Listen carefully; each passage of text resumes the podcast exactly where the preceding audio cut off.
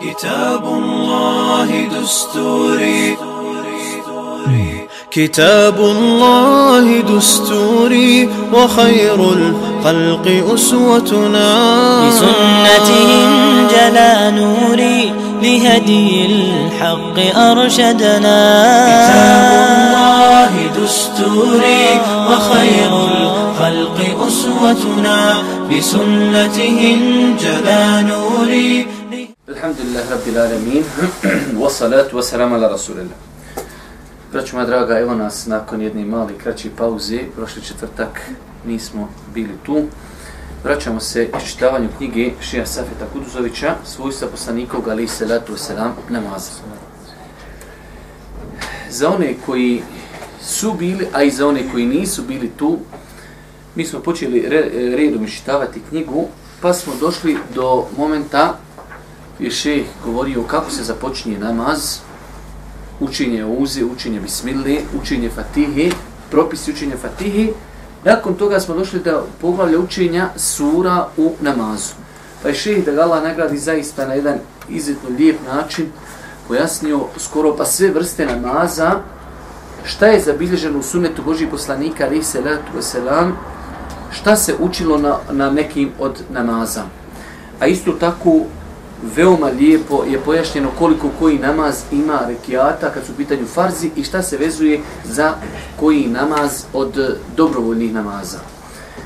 Došli smo do poglavlja e, vitara i noćnog namaza pa da vidimo šta nam kaže Šisafet. Noćni namaz. Aisha radijallahu anha upitana je da li Allahu poslanik sallallahu alihi veselem na noćnom namazu učio u sebi ili na glas. Pa je rekla, Ponekad je učio na glas, a ponekad u sebi. Nekada bi poslanik, salallahu alihi veselem, oduljio sa učenjem, a nekada bi skratio. To je to. Ovdje učimo četiri propisa imamo.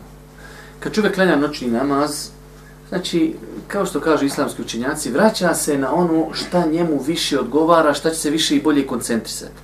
Nekom insanu više odgovara da uči tiho, jer ga to više koncentriše. Nekom odgovara, pošto je njegova kuća, nikog ne uznemirava, da malo poviši ton jednostavno, ajde da kažemo, ne toliko da, da je bučno, ali jednostavno kao normalno učenje u džamiji. Pa znači kad u pitanju noćni namaz čovjek može da odabere da uči ono što je njemu lakše i bliže srcu i ono što će na njega više utjecati kada je u pitanju koncentracija. Pa znači može se učiti u sebi, a može se učiti na glas. Isto tako nema smetnje kada u pitanju noćni namaz da se oduži namazi, a isto tako nema smetnje da se uče kraći sure primjera radi, rećemo, na jednom rekiatu uči se tebe tjeda, na drugom se uči rejte lezi, znači kraći sure i svaka sura je rekiat. Pa znači imamo verziju da može se, shodno sunetu Boži poslanika, ali sad sam, da se uči duže sure, a mogu se učiti i kraći sure. Sve nam tu preskoči do ove strance Aisha.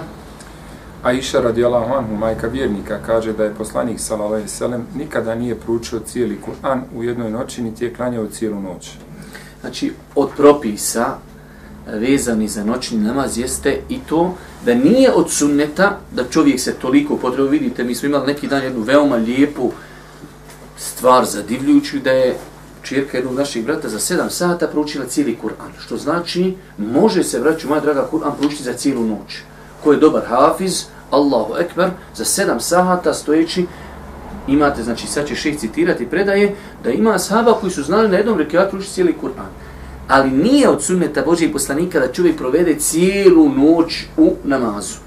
Već je od sunneta znači da se malo zaspi, pa da se malo ustani, pa ako se može opet malo, opet malo zaspati, ali znači nikako da se cijela noć ne provodi u ibadetu. I pazite, sunnet Božih poslanika, vi se ratu sram, definitivno je najbolji sunnet, ali evo, ših će pojasniti, imamo predaj određenih ljudi kroz historiju da su učili cijeli Kur'an na jednom rekiatu i da su cijelu noć provodili u ibadetu, pa ćemo vidjeti šta še Safet o tome kaže. Međutim, Međutim, postoje predaje iz kojih se može zaključiti da je poslanik sallallahu alihi veselem ipak proveo cijelu noć u namazu.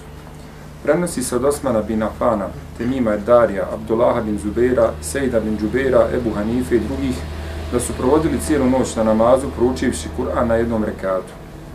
Što se tiče hadisa kojeg prenosi Abdullah bin Amr da je poslanik sallallahu alihi veselem rekao ne razumije i ne svata Kur'an onaj koji ga prouči za manje od tri dana. Ovi učenjaci ili nisu znali za citirani hadis, ili ga nisu smatrali vjerodostojnim, a Allah najbolje zna. Znači, imamo predaje da su neki ljudi znali proučiti Kur'an za znači, jednu noć i na jednom rekiatu. A imamo zabranu Božijeg poslanika da se Kur'an ne uči na manje od tri dana. Jer je cilj, braću moja draga, učenja Kur'ana šta? Da čovjek razmišlja i da se odgaja. Pa kaže Boži poslanik, ko prouči Kur'an u periodu koji je manji od tri dana, oni su imali problem što hoće da uči manje od tri dana. Mi imamo problem što hoćemo tri mjeseca i više. Oni su imali problem da su htjeli što više da uči. Pa im Boži poslanik morao ograničavati na tri dana, kaže, ko prouči prije tri dana, on nije razumio šta je učio. Pa kaže Šej Safet, znači imajući lijepo mišljenje o ulemi i ljudima iz prvih generacija, kaže, ili ta ulema nije čula taj hadis, što se moglo veoma lako desiti, znači, pazite, Omer radijallahu ta'ala, u više situacija je bio da mu e, neko od najmlađih ashaba kaže neki hadis za koji Omer ne zna. Pa kaže, e, opravdavajući postupke ti ljudi imamo, znači da je Boži poslanik nešto zabranio, a neko je to ipak radio. Pa kako da to shvatimo? Na dva načina. Ili oni nisu čuli za zabranu, pa su radili, jednostavno nisu znali za zabranu, ili su smatrali taj hadis daif. Ali u svakom slučaju, mi danas nemamo sa tim veliki problema, rijetko ko hoće da ibadeti cijelu noć. Dobro. E, nakon toga prelazimo na jedno novo poglavlje, a to je vitr namaz. Vitr namaz je potvrđeni sunet po mišljenju većine islamskih učenjaka. Kao argument uzimaju predaju kojima Ibn Omer kaže Vjerovjesnik, salallahu alihi veselem, klanjao je noćni namaz na putu na svojoj jahalici, bez obzira u kom pravcu se usmerila, dižući i spuštajući svoju glavu i tijelo, to jest čineći ruku i srđdu. Nije klanjao propisane namaze jašući, a klanjao je vitr na sedlu svoje jahalice. Vidite, znači imate poznato razilaženje između džumhura, znači tri pravne škole i hanefijskog mezheba, propis vitara. Pa jedan od veoma jakih dokaza činjenica da je Boži poslanik klanjao vitre na jahalci, a nije klanjao propisane namaze na jahalci. Pa da su vitre bile propisane, Boži poslanik ne bi klanjao na, na jahalci. Zašto? Jer kada je čovjek na jahalici, prvo jahalica se okreće mimo kibli.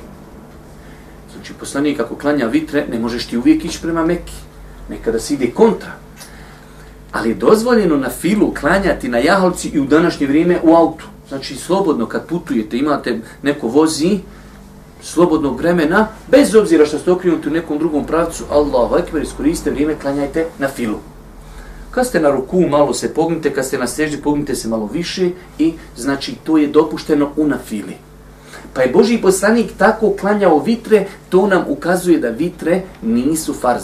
Jer da su bile farz, Boži poslanik bi zaustavio devu, okrenuo bi se prema kibli ili bi čak sišao sa devi i klanjao bi na zemlji. Pa je ovo jedan od veoma jakih dokaza da vitre nisu nisu vađib, nisu stroga obaveza, ali isto tako, ako pogledamo u sunet Božijeg poslanika, vidjet ćemo i to će ših citirati poslije, da Božih poslanik nije vitre izostavljavo nikad je bio na putovanju, pa samim tim vitre nisu obični sunet, ono u smislu da kajemo obični sunet, već su nešto malo jače, blizu vađiba, a iznad običnog sunneta, pa su one potvrđeni, potvrđeni sunnet.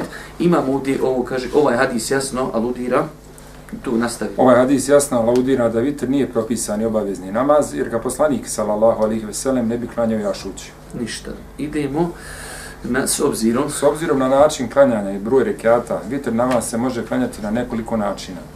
Ebu Eju Belensari prenosi da je poslanik, sallallahu alihi veselem, rekao Ko želi neka klanja vitr namaz pet rekiata, ko želi tri, a ko želi neka klanja jedan rekiat vidite, znači ovdje počinje šest safet nakon što je, to je tako idete u knjigama prava, uvijek prvo pitanje najbitnije obraditi, propis nečega. Kad smo obradili da su vitre, potvrđeni sunnet, nakon toga dolazimo do pitanja kako se vitre klanjaju. Pa prvi hadis koji nam je ših citirao jeste da je dopušteno klanjati pet, tri i 1.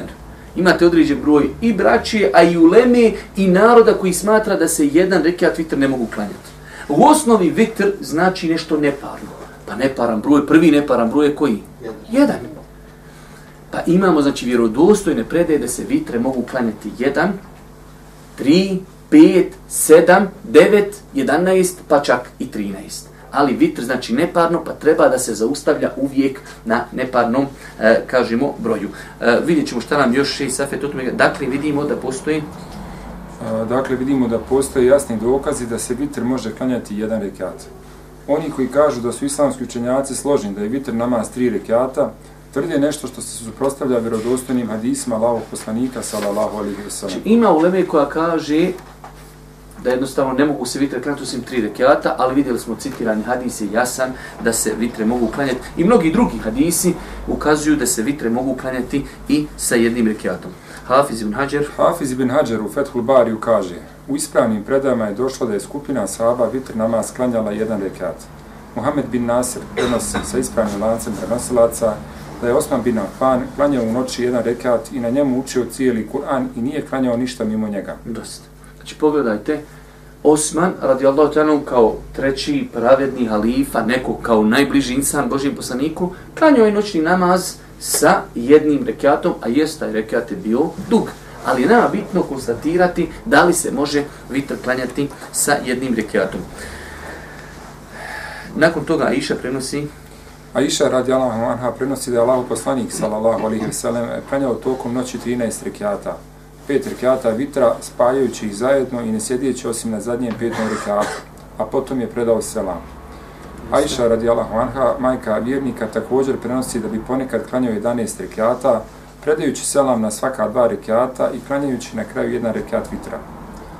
Jedan čovjek, to, pravo, taj, jedan čovjek nastaje, nastaje. Jedan čovjek je pitao Allahog poslanika sallallahu alejhi ve sellem u noćnom namazu, pa mu je odgovorio: Klanja je dva po dva rekata, a kada se pobojiš zore, to jest kada osjetiš da će nastupiti zora, završi sa jednim rekatom vitra.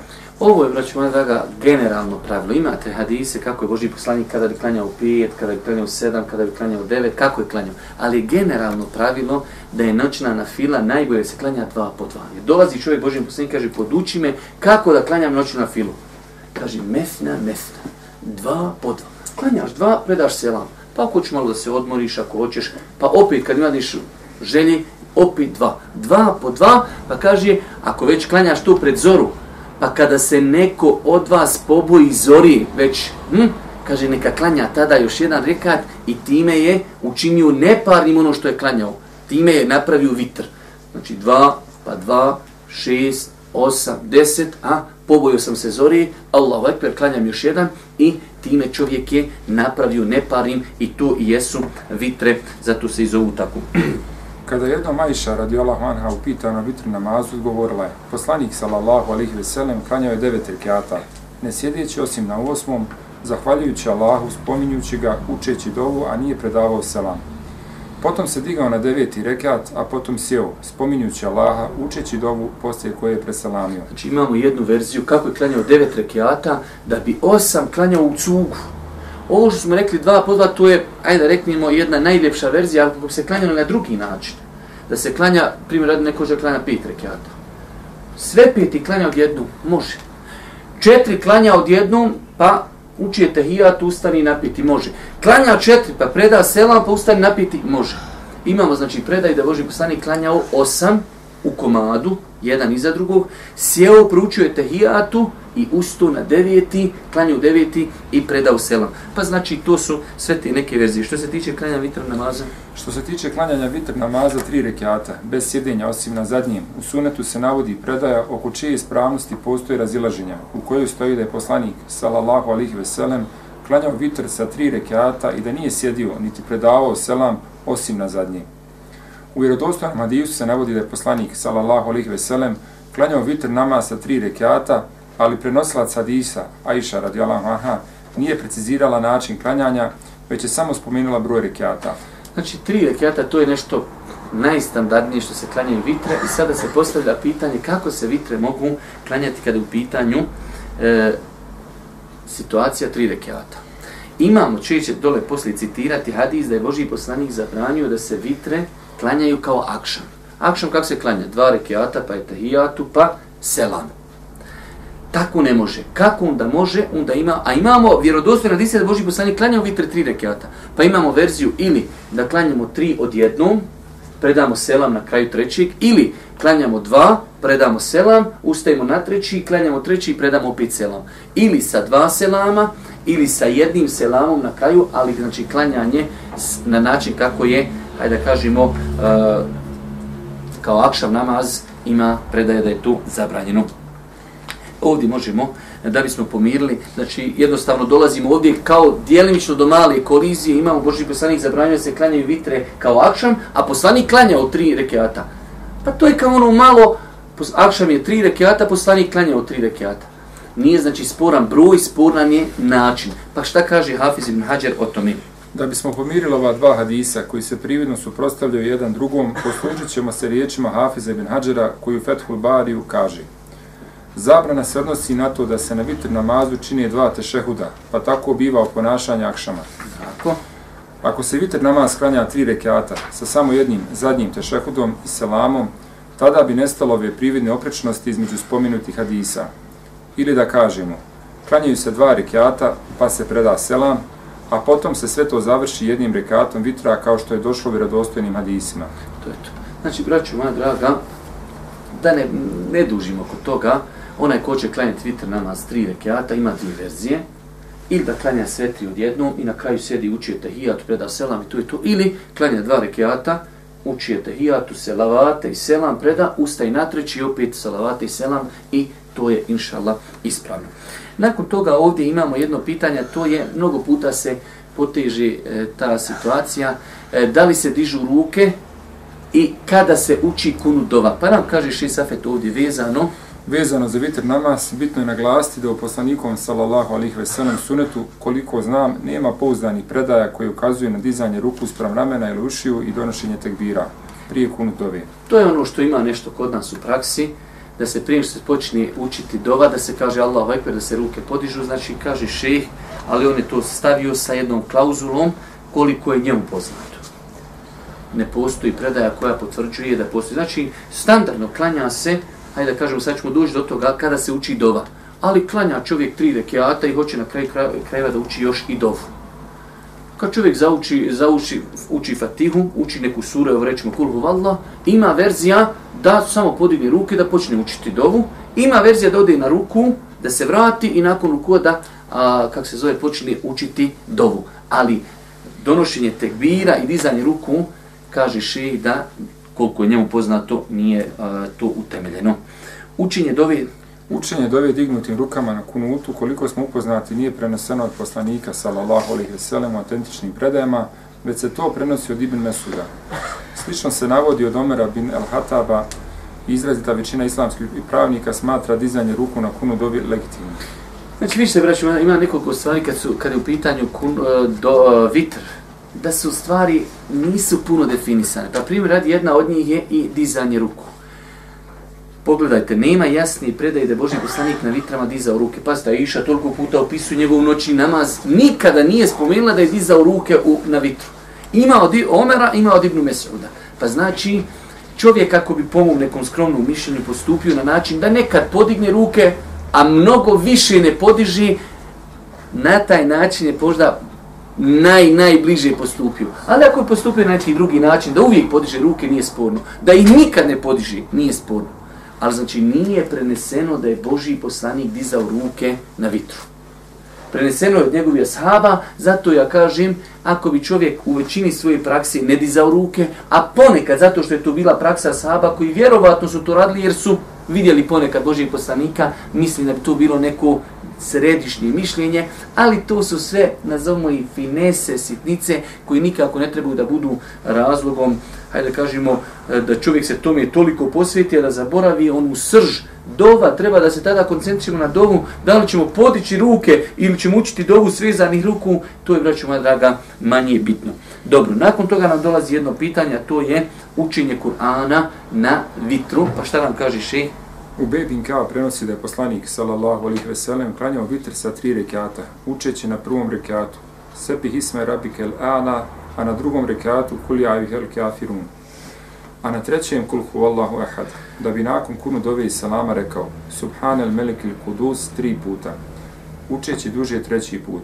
Prenosi se također da Allah poslanik sallallahu alaihi ve sellem klanjao jedan rekat vitra i da na njemu učeo sto ajeta i sure Nisa. Znači, nešto najstandardnije, to možete vidjeti kod nas po džamijama dosta puta, a i možete vidjeti da se to praktikuje u Mekki, u Medini, u Haremima. da kada se klanjaju vitre sa tri rekiata, da se po ovom hadisu radi, da se na prvom uči sebi hisme rabbike al-a'la, da se na drugom uči kulhu vallahu ahad, uh, kul ja ihvel kafirun i na trećem kulhu vallahu ahad. Svakako, to je samo ono što je prenešeno od Božih poslanika, da čovjek uči bilo šta drugo, uz Allahu pomoć, njegov namaz je ispravan. Dobro, nakon toga dolazimo do, mi klanjamo vitre, proučili smo, naučili smo šta treba mučiti, kako možemo klanjati, i sada dolazi ta kunut dova koja se uči na vitru, pa da šta nam kaže šeh. U Bej bin Kjav prenosi da Allah poslanik, sallallahu alihi veselem, učio kunut dovu na vitru namazu prije rukua.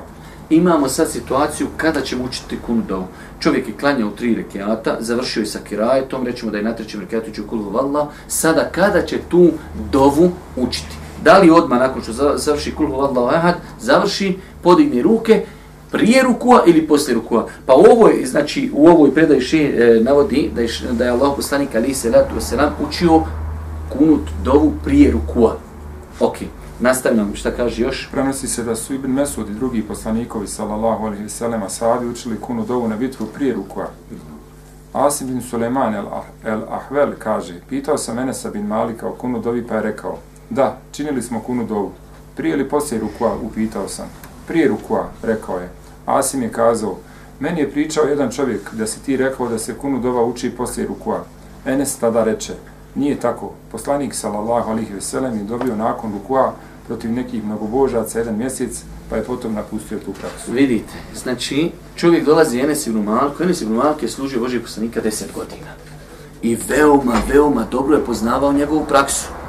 Pa mu dolazi čovjek i kaže, ono logično je, Enese, ti si tu blizu, de nam pojasni. Pa kaže, kad je učio Boži poslanik kunu dovu, kaže, prije. Kaže, ali meni je neko prenio, ali u to vrijeme ljudi, kad ti neko kaže, rekao je ashab završeno, meni su, kaže, ljudi rekli, ste rekao, poslije rukua.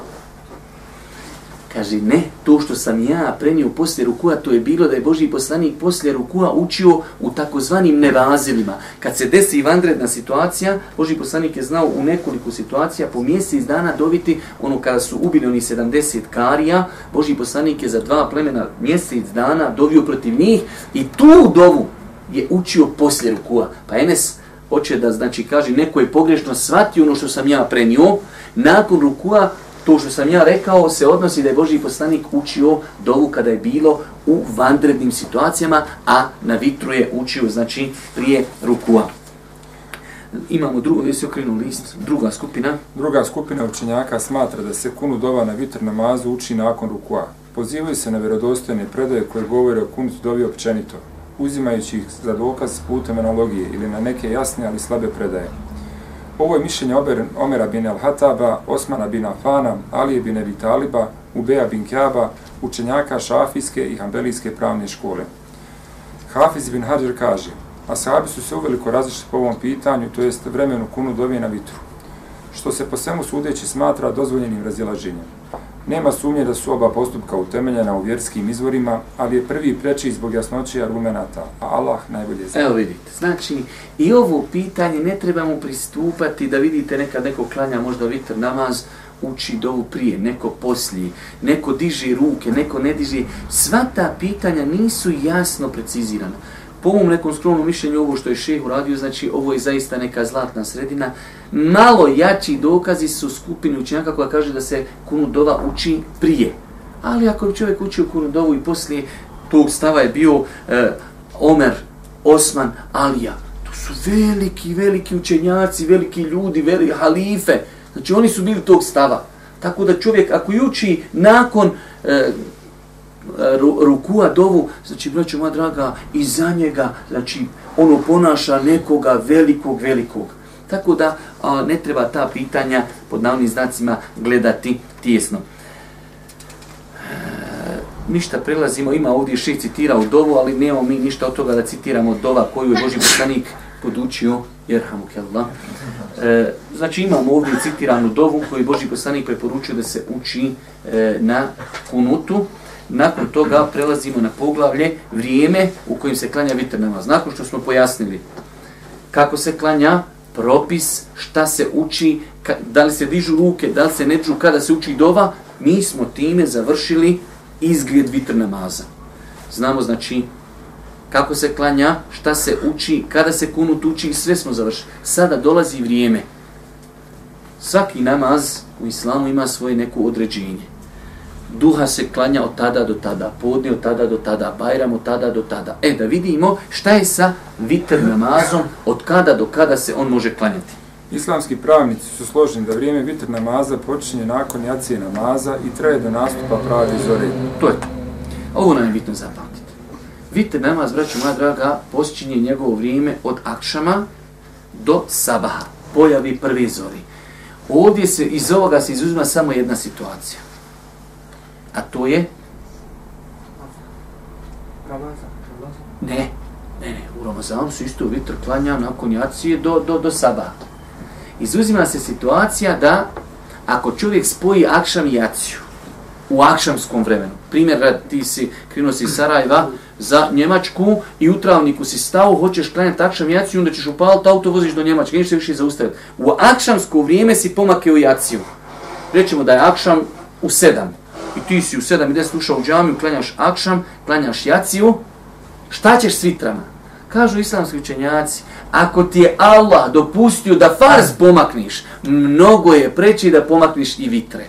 Pa vitre se u jednoj situaciji samo mogu klanjati prije akšamskog vremena, to je ako si već spojio akšam jaciju, pa ako ti je gospodar zemlje i nebisa dopustio da farz pomakniš i da ga klanjaš pod navnim znacima prije njegovog vremena, jer na, na putovanju akšam i jacija postaju jedno vrijeme, pa možeš jaciju pomakijeti naprijed, tada se može pomakijeti i vitr. U osnovi, mimo toga, vitr se mogu klanjati, dok klanja čovjek jaciju, ko što kod nas, kod naroda radi, odmah se vitr klanjaju, mogu se klanjati u džami, može čovjek kad uđe kući klanjati, može odgoditi za pola noći, najbolje vrijeme definitivno je vrijeme pred zoru, jer je to vrijeme kada uzvišen Allah Žešanu silazi na dunjaličko nebo, ali to je samo najbolje vrijeme, ali bitno je nama, kao što imamo podne, podne u današnje vrijeme, hajde kajem nastupa u 1, završaje u 4.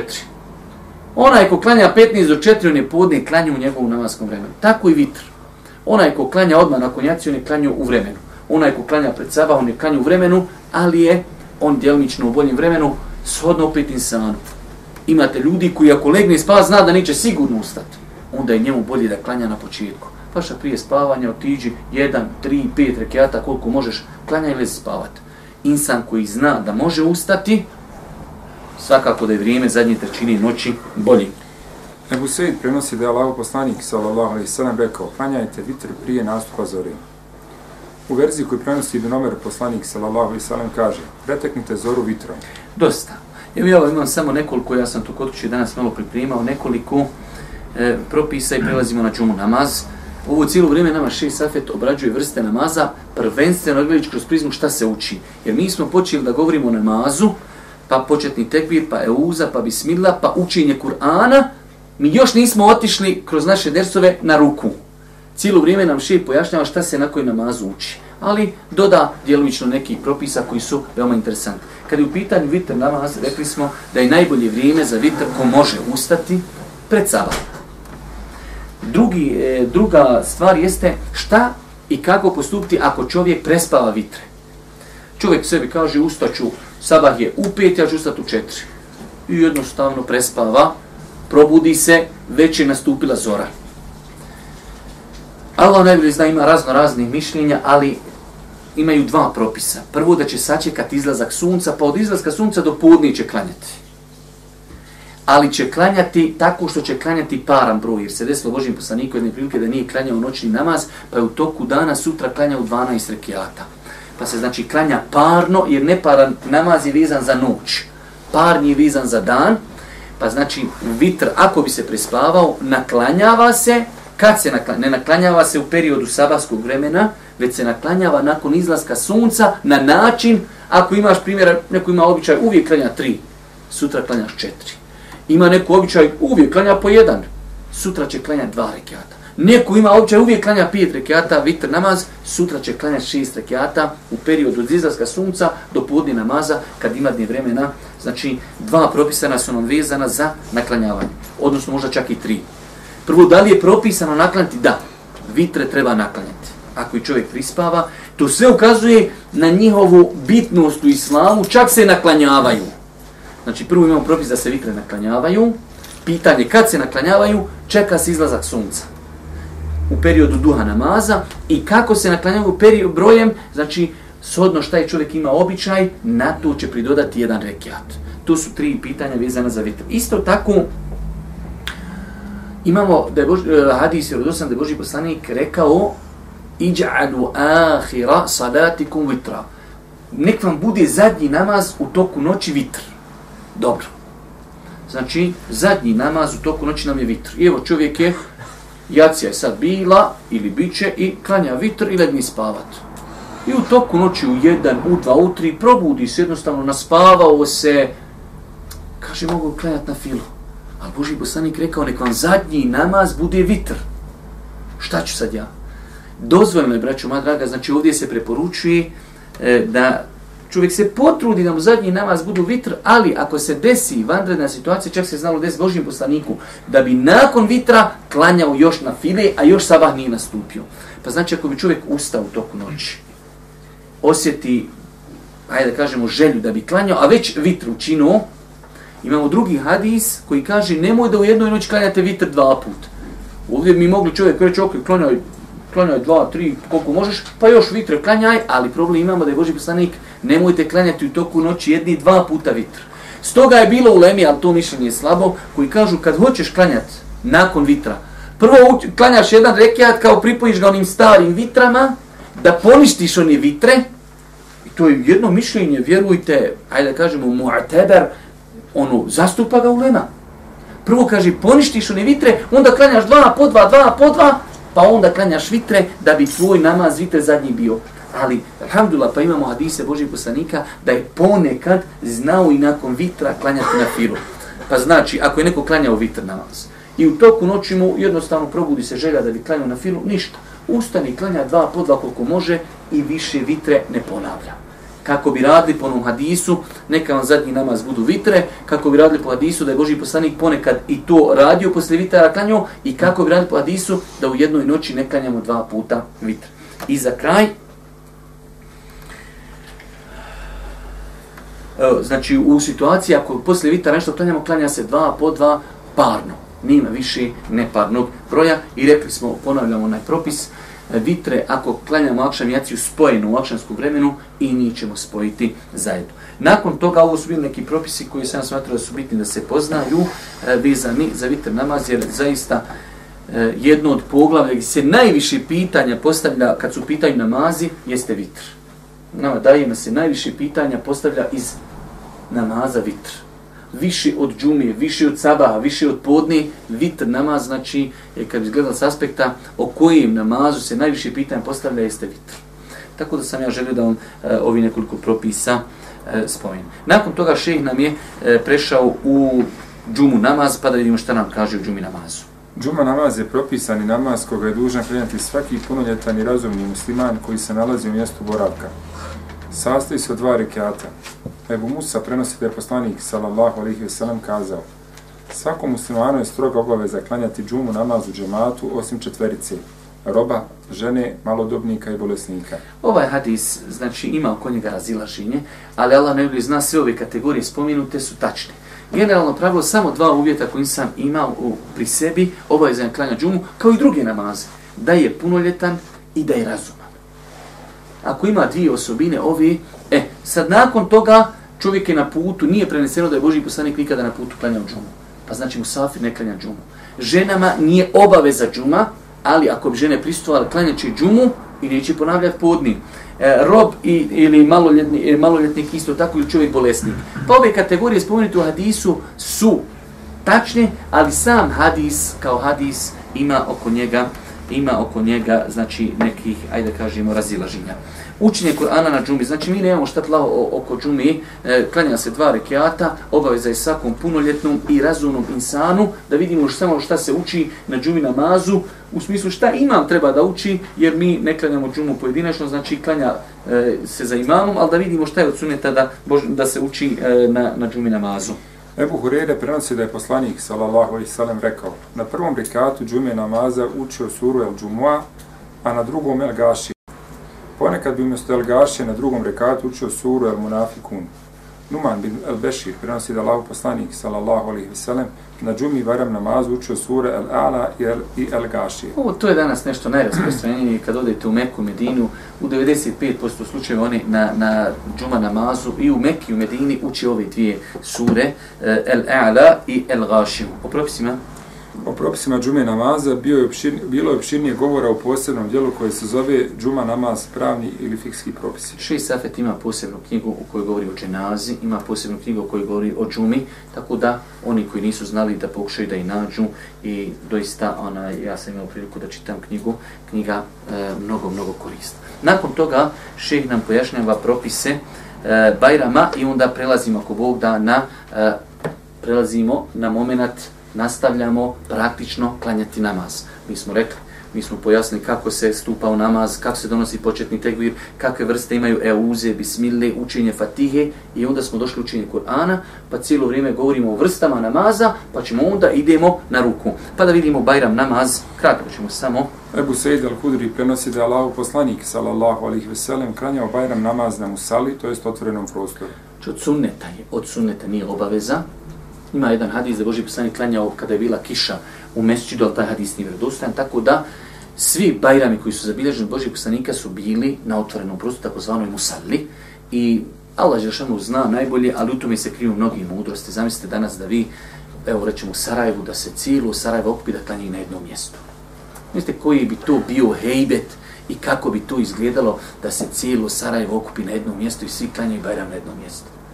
Kako tu poruku šalje? Kakav, kakav bi to bio osjećaj ujedinjenosti, kakav bi to osjećaj bio u tom periodu ti klanjaš pa se ljudi razilaze kućama s jednog mjesta. Znači tako da Allah Žešan najbolje zna zašto je propisan se Bajram namaz klanja na otvorenom na musalli i čak še je to spomenuo, propisano da dođu žene, pa čak i žene u mjesečnici. Žena koja ima mjesečnicu propisano da dođu, one se samo malo odmaknu, da nisu na mjestu gdje se klanja, ali žene dolaze, zašto? Zato što se tu dovi, zikri se, slušaju hudbu i propisano da imam kad drži hudbu, jedan dio hudbe maksu samo posvjeti za žene, kao što čini Boži poslanik Ali se ratu selam, pa je propisano, znači od sunneta je da da se, e, znači, Bajram namaz klanja na Musalli. Dobro, idemo vamo skroz Ibn Abbas. Ibn Abbas i Džabir bin Abdullah su rekli, ne uči se ezan na ramazanskom i kurbanskom Bajram namazu. Znači, Bajram se klanja bez ezana i bez ikameta. Ljudi dođu i samo hođe se okrenuti, poravnajte, popunte, Allahu ekber. Nema znači ni ezana, ni ikameta. E, poslanik poslanik sallallahu alejhi ve sellem naredio da žene i djevojke izađu na musalu, čak i one koje imaju mjesečni ciklus s tim da se izdvoje u stranu. Ebu Bekr je kazao, obaveza je svake žene da izađe na musalu tokom klanjanja Bajram namaza. Dobro, idemo, ovo ćemo sve preskočiti, jer su tu, inša Allah, učinje Kur'ana na Bajramu.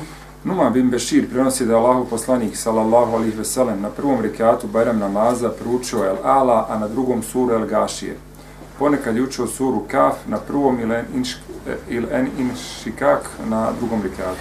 Uglavnom, u većini slučajeva Bajram i Džuma nama su slične sure koje se uči i danas je tu, e, ajde da kažemo, velika praksa da se na Bajram i na Džuma namaza uči e, sura El-A'la, sebi hisme rabbike El-A'la i hel etake hadithu laši.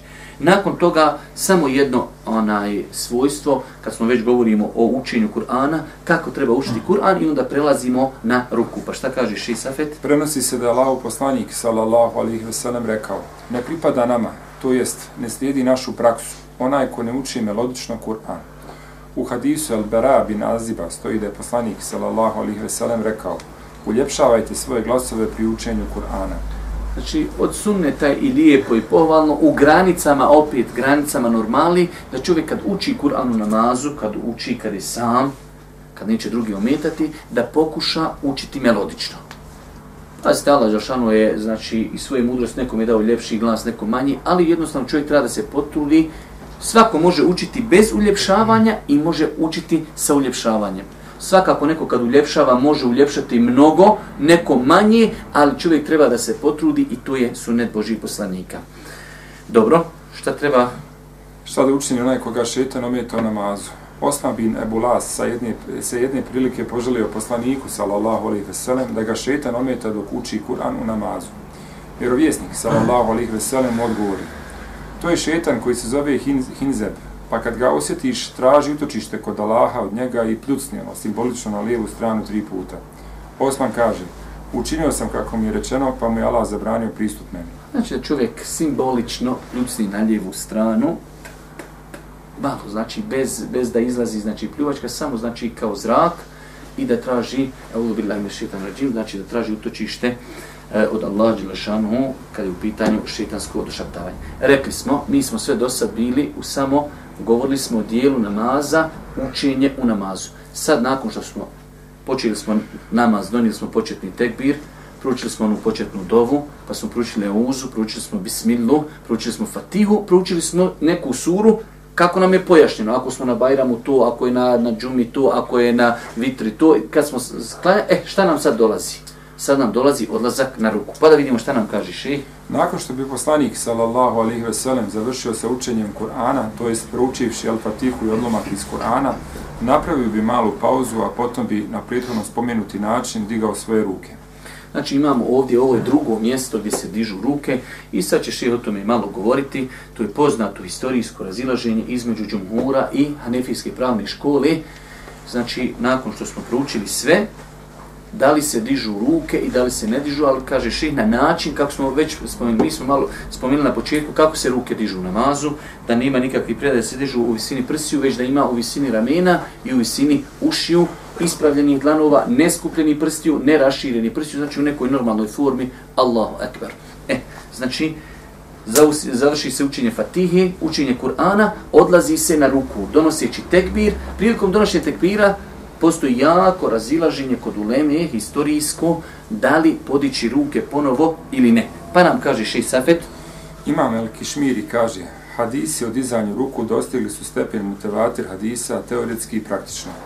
Od toga nije dokinuto ni jedno jedino slovo. Znači ovo je govor imama Kašmirija gdje kaže da hadisi koji govori o dizanju ruku kompletno dizanje ruku i prilikom početnog tekbira i prilikom odlaska na ruku i prilikom povratka sa ruku, to su tri situacije, i prilikom podizanja sa drugog rekiata na treći rekiat, kaže oni su mutevatir. I nisu derogirani ni jedno slovo. Dobro, šta nam kaže Imam Tehebi? Imam Zehebi, Ibn Hajar, Sujuti, Ševkani i Ših Albani također smatraju da su hadisi o dizanju ruku dostigli stepen mutevatira. Predaje koje govore o dizanju ruku prije rukua i nakon rukua i nakon dizanja na treći rekat prenose brojni asabi. Od njih su Malik bin al-Huveris, Alija bin Ebi Talib, Enes, Vajel bin Huđar, Ebu Hurere i Ebu Humede Saidi, koji opisiva namaz poslanika sallallahu alaihi ve sellem u prisustvu desetorice asaba i nijedan od njih nije porekao dizanje ruku prije i poslije rukua i nakon dizanja na treći rekat. I to ovaj had, ashab jedan, danas sam ciljano išao kod imama Tirmizije da pogledamo ovu predaju. Jedan ashab Ebu Humeid Esaidi, sjedlo je pred njim deset ashaba i on im kaže, ja najbolje od vas znam kako je poslanik klanju. Kaže on njemu, aj ti nama ispričaj da mi vidimo jel ti to znaš.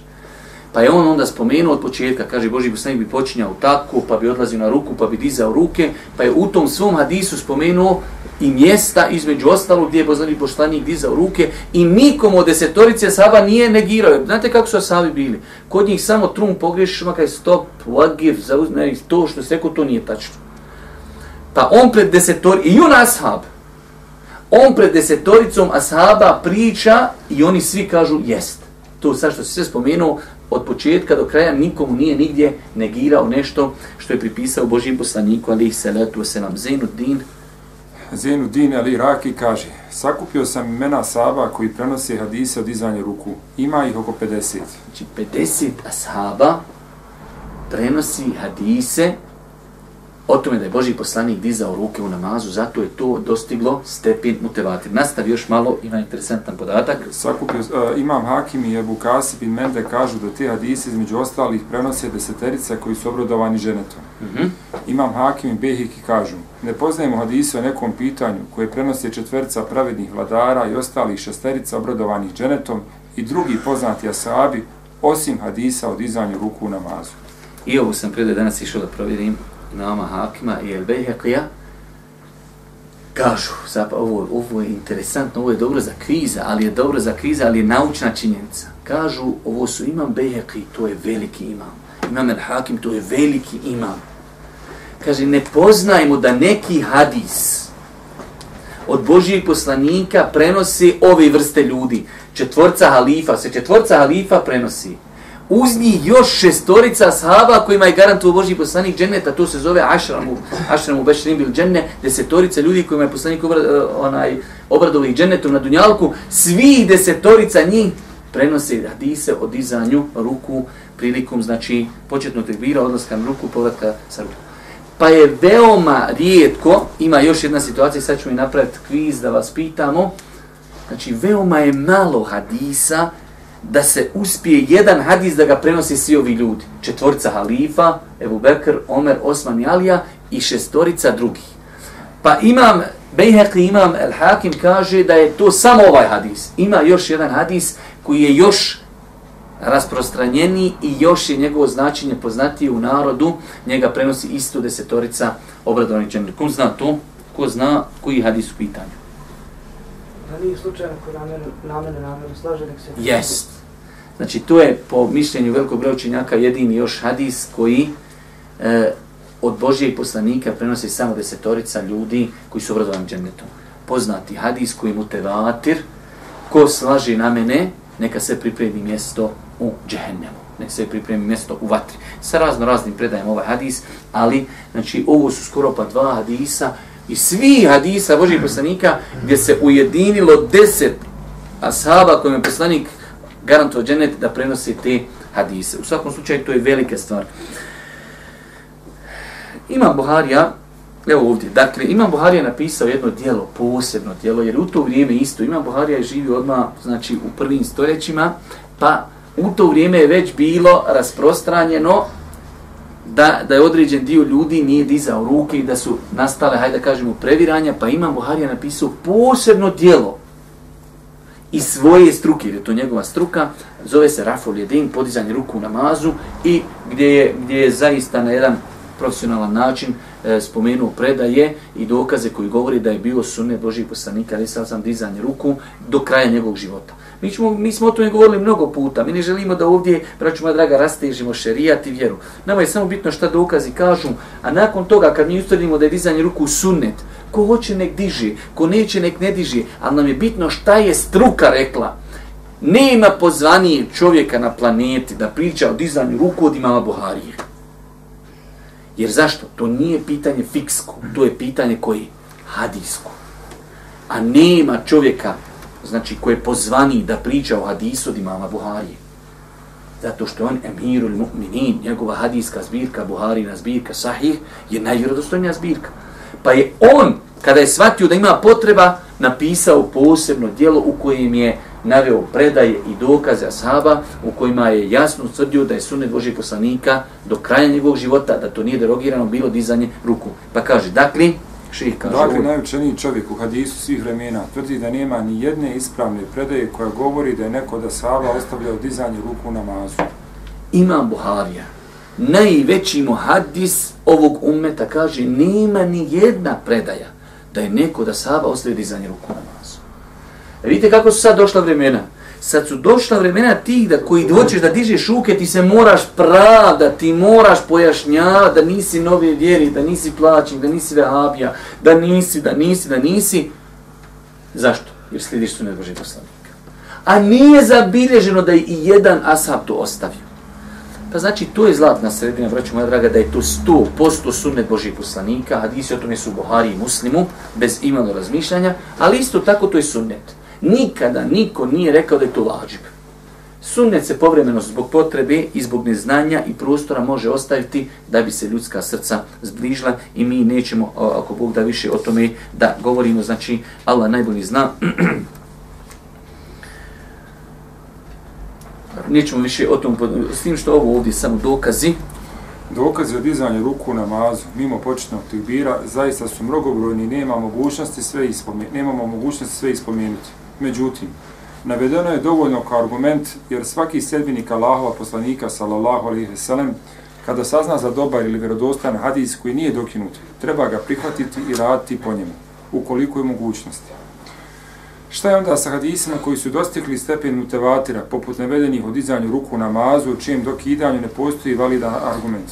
Šeik nam kaže, musliman treba kad čuje za hadis koji prenosi samo jedan ashab, samo jedan, da se trudi da taj, has, da taj hadis praktikuje. A šta mislite, kaže onda, kako je o hadisima koji su dostigli tevatur i koji su mu tevate predaje, koji prenosi, kao što ste vidjeli, tolik velik broj ashaba. Tako da, znači, e, praktikovati to svakako je sunet, sada ostaje onaj moment, mudrost, vrijeme, prostor, znači historija nekog podneblja, znači da čovjek djelomično te stvari uvaži.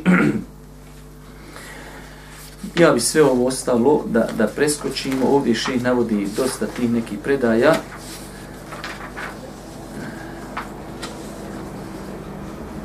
Nastavak, opet, koliko nam je ostalo još vremena? Da vidimo još ovdje nastavak opisa rukua. Koliko je ostalo vremena? 53 Dobro, možemo još 70 minuta i onda ćemo, ako Bog da prestane. Na, nastavak. A nastavak opisa rukua Allaha poslanika, sallallahu alaihi ve sellem. Mi smo do sad samo govorili šta, braćo, draga. Sam smo govorili, čovjek je učio Kur'an, hoće da donese početni tekbir da odi na ruku i kaže Allahu Ekber. Po jednom velikom dijelu leme on će podići ruke i otići na ruku. Po jednom dijelu leme će znači samo spustiti ruke i otići na ruku mi još nismo došli da govorimo o ruku. Pa znači sad, nakon što smo konstatirali da je sunnet, prilikom, znači čovjek prvo kad završi kirajet od sunneta i o tome smo prije govorili, da se malo šuti. Jedno, dvije ili tri sekunde. Čovjek je učio kul huva Allahu ahad, Allahu samed, lem jelid, velem juled, velem je kullahu kufuvan ahad. Čovjek, znači, lagano se smiri i onda kaže Allahu ekber. Znači, od suneta se napravi ta mala pauza, da se dignu ruke i da se ide na ruku. Pa da vidimo šta nam Ši Safet kaže o ruku. Poslanik, sallallahu alihi veselem, potom bi donio tekbir i učinio ruku. Izostavljanje ovog ili drugih tekbira, osim početnog, ne utječe na ispravnost namaza, po konsenzusu islamskih učenjaka. Allahu poslanik, sallallahu alihi veselem, naredio je potpuno smirenje na ruku. Ovdje imamo, halal, imamo nekoliko propisa.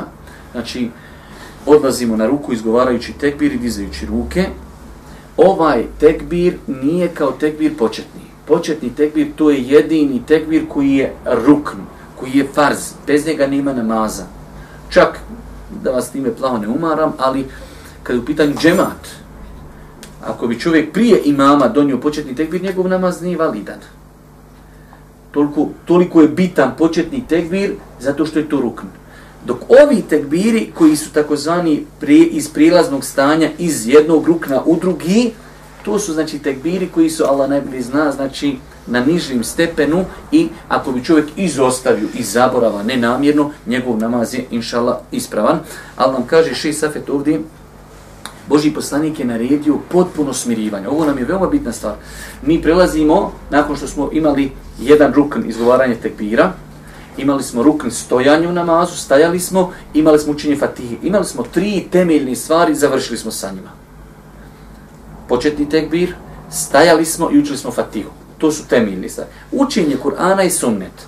Nakon toga smo donijeli, poče, e, donijeli smo tekbir i prešli smo na ruku. E sad, sam ruku je isto temeljni. Ne može namaz biti bez rukua, ali taj ruku ima neka svojstva. Jedno od svojstava jeste da se mora čovjek na njemu smiriti toliko smirti, znači da se svi njegovi organi, njegova odjeća zaustavi makar jedan dio sekundi. Sve da se... Ima i sad neke povalne stvari u kojima će Šeji Safet govoriti da bi čovjek trebao da maksimalno ispruži svoja leđa, da glavu ne podiže ni da ispušta, da bude u ravnici sa njegovim leđima, ali je rukn, temelj namaza, otići na ruku i smiriti se. Ako čovjek samo otišao i vratio se, taj ruku se ne broji i to je onda dovođenje svog namaza u pitanje. Pa da vidim šta nam kaže Ebu Hureyre. No. Ebu Hureyre prenosi da jedan čovjek ušao u džamiju i klanjao. Potom prišao poslaniku, sallallahu alihi veselem, i nazvao mu selam. Allahu poslanik, sallallahu alihi veselem, odgovori na selam i reče, vrati se i klanjaj, jer nisi klanjao.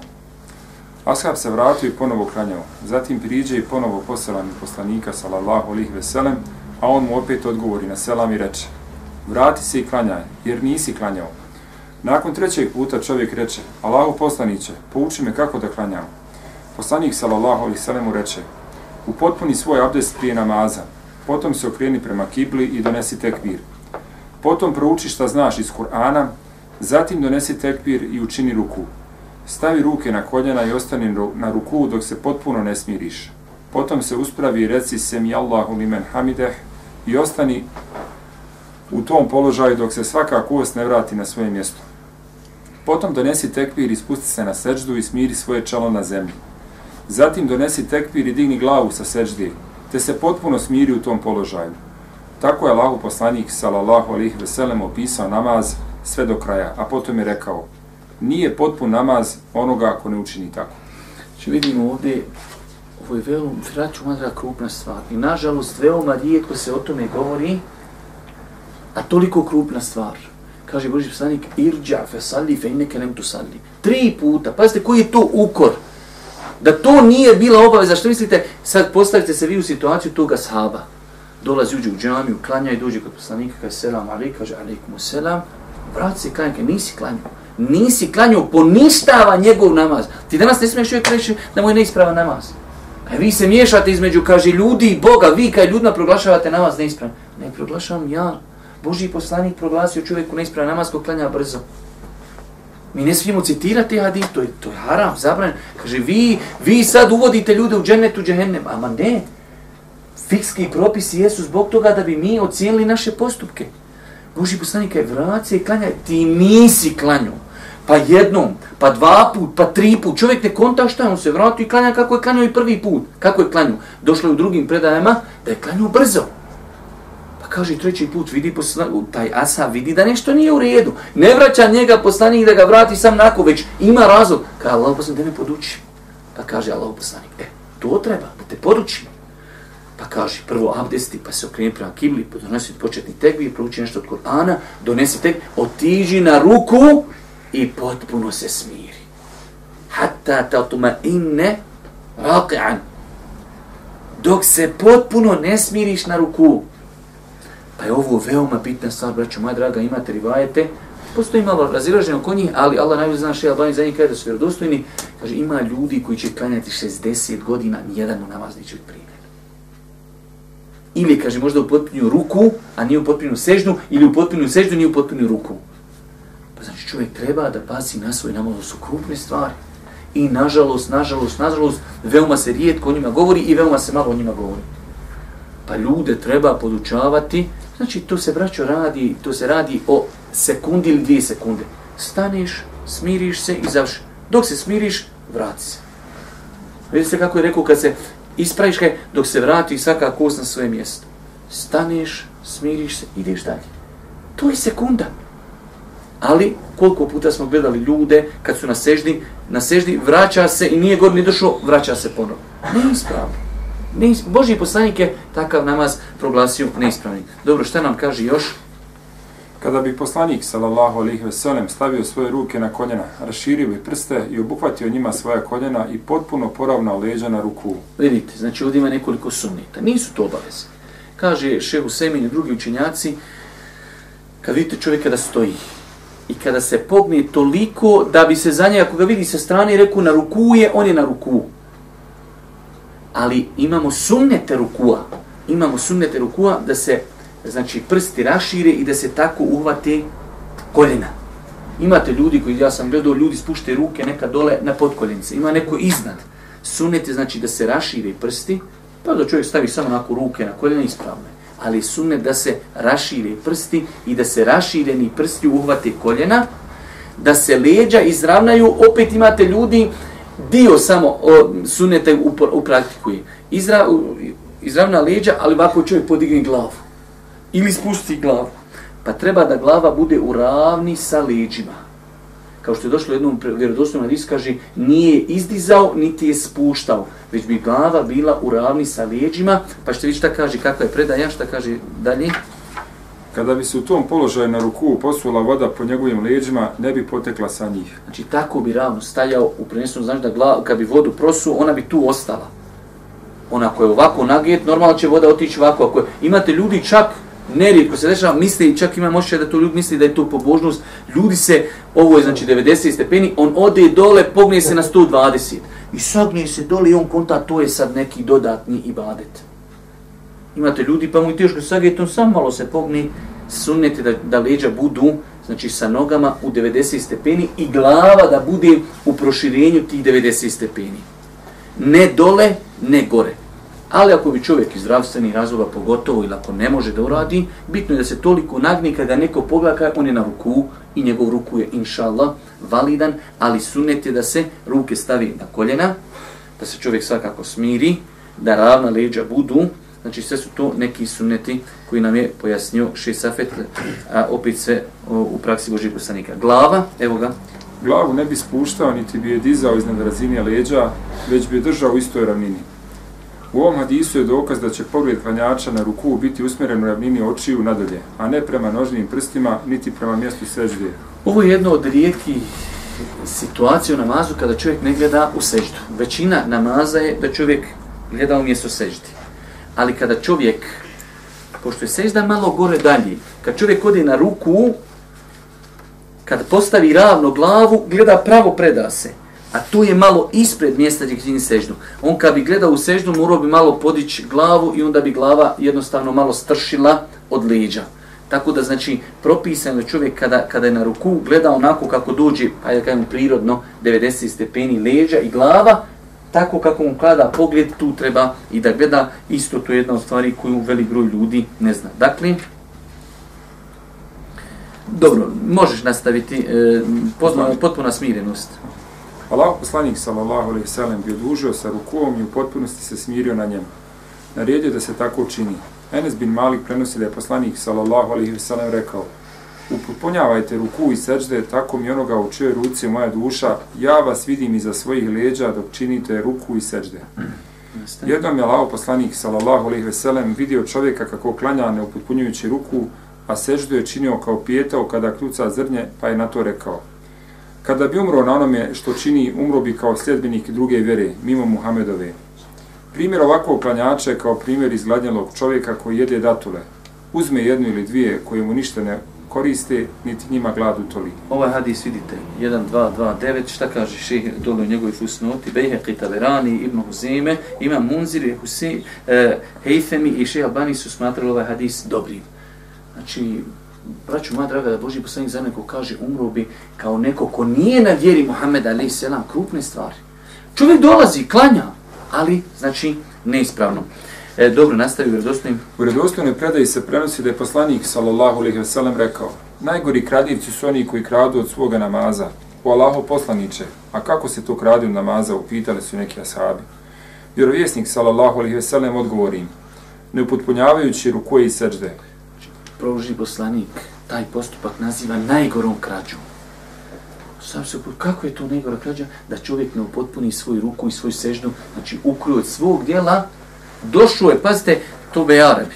Ali čovjek, to je islam, tu nema mjesta razumu. Razum, mi ćemo nišala, ja planiram ovih dana održati jedno predavanje o razumu. Razum u islamu ima veliko mjesto, ali imate nekad situaciju gdje razum staji. Logično je da čovjek ako je došao u džamiju i već abdestio i potrudio se, hm, da treba da bude nagrađen. A čovjek je došao, napravio prekršaj, pazite, potrudio se, došao, poranio se, ali brzo klanja, njemu se prijeti žestokim kaznama. Pa je veoma bitno, braću mada, da se čovjek poduči i da zna kako da da obavlja ibadete. E, dobro, nastavi nam ovdje dalje Huzef ibn Iman. Huzefe bin Jaman je vidio čovjeka koji klanja, a ne potpunjava rukoje i sežde, pa mu je rekao, nisi klanjao, a kada bi umro kao takav, umro bi na drugoj vjeri, mimo onih s kojim je poslan Muhammed sallallahu alaihi ve sellem. Dobro, idemo na zikr. Zikrovi dove na ruku. Nakon što bi se poslanik sallallahu alaihi ve sellem smirio na ruku, izgovorio bi tri puta, slavljen neka je uzvišeni gospodar, subhane rabijel azim. Dobro, još. Ponekad bi na ruku i seždi rekao slavljeni časni gospodar Meleka Džibrila, Subhanu Subuhun. Subuhun kudusum rabbul melajketi varuhu. Dobro, imamo još jednu dobu, pa nećemo više. Tebi izgovarao slavljen neka si ti gospodaru naš, tebi sva hvala pripada, Allahu moj oprosti mi. Subhaneke Allahumme, rabbena wa bihamdike, Allahumme kfirli. Pogledajte samo ovdje jedan moment. Imate još predaja koji še Safe citirao ovdje. Šta je sve Boži? Dva lista predaja šta je Boži poslanik učio na ruku. kod nas nemaš nekad vremena, pogotovo kad je u pitanju teravija, da jednom ili dva puta sam subhana rabbi Lavin. Ulema čak spomini u knjigama fikha, da je tri puta neki minimum, a čak kaže ako ima i do deset puta rekne, kaže to je pohvalno i dobro. Samo subhana rabbi Lavin, nema ništa još, još nije došlo do dova subuhun, kudusun, rabul melaiketi var ruh, subhaneke Allahum, i tako. Znači, dova koji su preneseni od Božije poslanika, ali se ratu wasalam, čak imate onu predaju, jasno predaju, kod imama muslima, da je Božji poslanik na jednom rekiatu učio šta? Pet džuziva, kaj pa je ošao na ruku, pa je na ruku ostao od prilike koliko je ostao i na kijamu. Pet džuziva. Sto i četiri stranice proučio na jednom rekiatu i kaže toliko od prilike je ostao i na ruku.